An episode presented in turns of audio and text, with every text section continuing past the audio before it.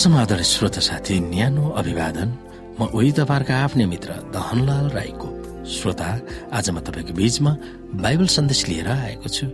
आजको बाइबल सन्देशको शीर्षक रहेको छ विपत्तिमा कठिनाईमा र प्रतिकूल परिस्थितिमा प्रभु शरण स्थान हुनुहुन्छ।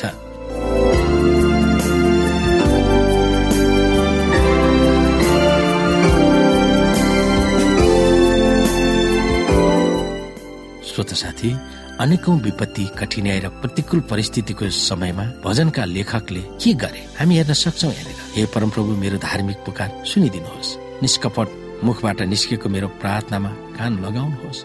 मेरो निर्दोषता तपाईँबाटै ठहरिएको होस् तपाईँको आँखाले सच्चाइ देखोस्। यदि तपाईँले मेरो हृदय जाँच्नु भयो भने र राति पनि मेरो जाँच गर्नुभयो भने मलाई परीक्षण गर्नु भए तापनि तपाईँले मभित्र केही पनि भेटाउनु हुने छैन। मेरो मुखको बोलीले कुनै अपराध गर्ने छैन भने मैले निश्चय गरेको छु। मानिसहरूका कामको विषयमा भन्ने हो भने तपाईँका मुखको वचनद्वारा मैले आफैलाई हिंसाको मार्गबाट बचाएर राखेको छु। मेरा पाइलाले तपाईँका बाटामा दृढता साथ टेकेका छन्। मेरा खुट्टा चिप्लिएको छैन। म तपाईँमा पुकार गर्दछु हे परमेश्वर किनकि तपाईँले मलाई जवाब दिनुहुनेछ। तपाईँको कान मतिर थाप्नुहोस् र मेरो बिन्ती सुन्नुहोस्।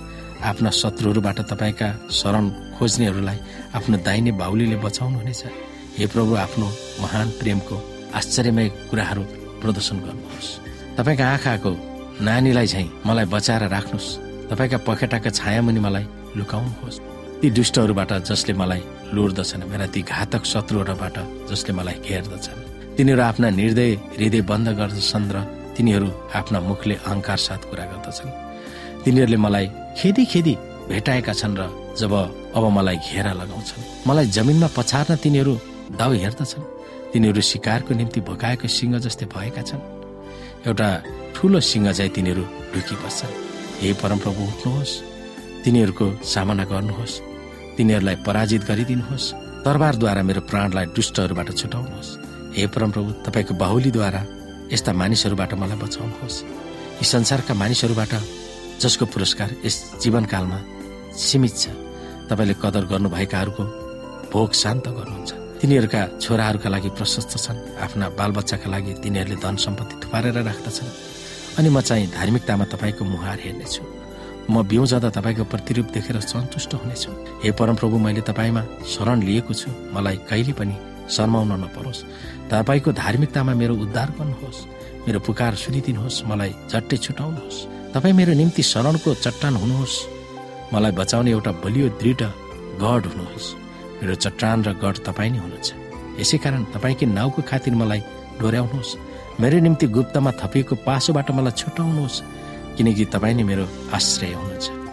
तपाईँकै हातमा म मेरो आत्मा सुम्पन्छु। हे परमप्रभु हे सत्यका परमेश्वर मोल तिरेर मेरो उद्धार गर्नुहोस्।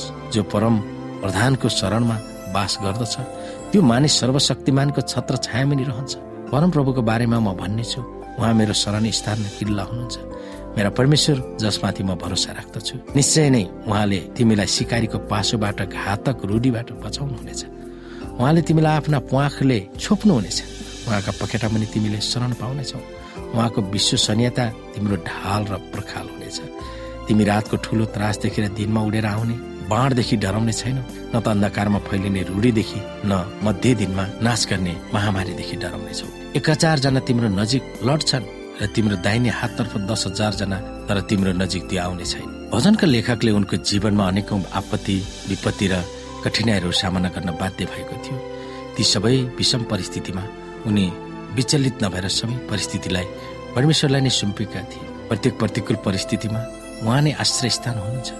आफ्नो जीवनको सबै परिस्थितिहरूमा परमेश्वरमाथि भरोसा राख्नु पर्दछ उहाँ नै सबैको स्वामी हुनुहुन्छ भन्ने आत्मज्ञानले सुसज्जित हुनु हाम्रो रोजाइको अधिकार हो। यदि दुःख र कष्ट परेको बेलामा उहाँलाई भरोसा राख्दा उहाँले हेर्नुहुन्न भन्ने त्यसको केही काम छैन। भजनका लेखकले यी गवाई दिन्छ प्रभुको बारेमा म यो भन्छु कि उहाँ मेरो शरण स्थान किल्ला हुनुहुन्छ। उहाँ मेरो परमेश्वर हुनुहुन्छ।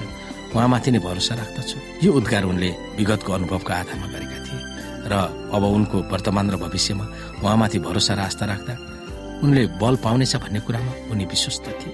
परमेश्वर महान उच्च स्थानमा बस्नुहुने र शक्तिशाली हुनुहुन्छ। भजनका लेखकले ठोकुवा गर्दछन्। उहाँ सबै महानताहरूभन्दा अपार हुनुहुन्छ। परमेश्वरमा कुनै सुरक्षा पनि भजनको लेखकले लेखेको सुनाउँछन्।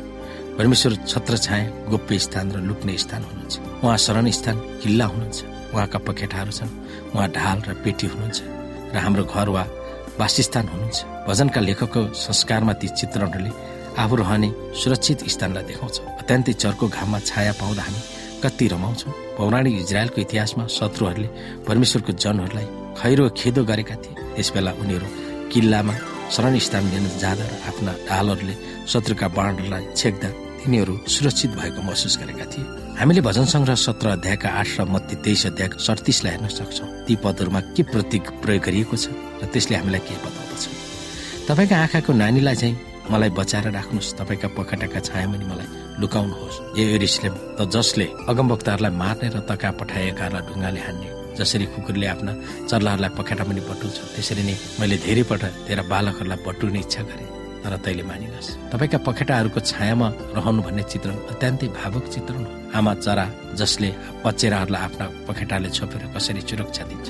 त्यसरी नै परमेश्वरले उहाँका जनहरूलाई सुरक्षा दिनुहुन्छ। प्रभुलाई चिलसँग तुलना गरिन्छ जसले आफ्ना साना चिलहरूलाई आफ्ना पखेटाले सुरक्षा दिन्छ। प्रभुलाई आमा कुखुरासँग पनि तुलना गरिन्छ जसले आफ्ना चल्लाहरूलाई आफ्ना प्वाखहरूलाई छोपेर बोलाउँछ। तर यो तिम्रो सत्यलाई हामी स्वीकार गर्न सक्दैनौँ। कतिपय समयमा आपद र विपदले हामीलाई हान्दछ। र परमेश्वरको सुरक्षा नभएका हामी महसुस गर्दछौँ। त्यस बखतमा हामी के भन्छौँ? ती सबै आघात पीडा र विपदहरू आयो भन्दैमा परमेश्वर हामीसँग हुनुहुन्न भनेर हामी कसरी यकिन गर्न सक्छौँ? त्यसै कारणले श्रोता परमेश्वर हामीसँग सधैँभरि हुनुहुन्छ। यिनी कुरामा हामी विचार गर्न सक्दछौँ।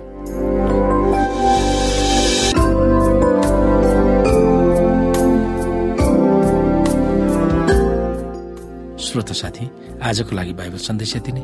हस्त नमस्ते। जय मसिंह। you.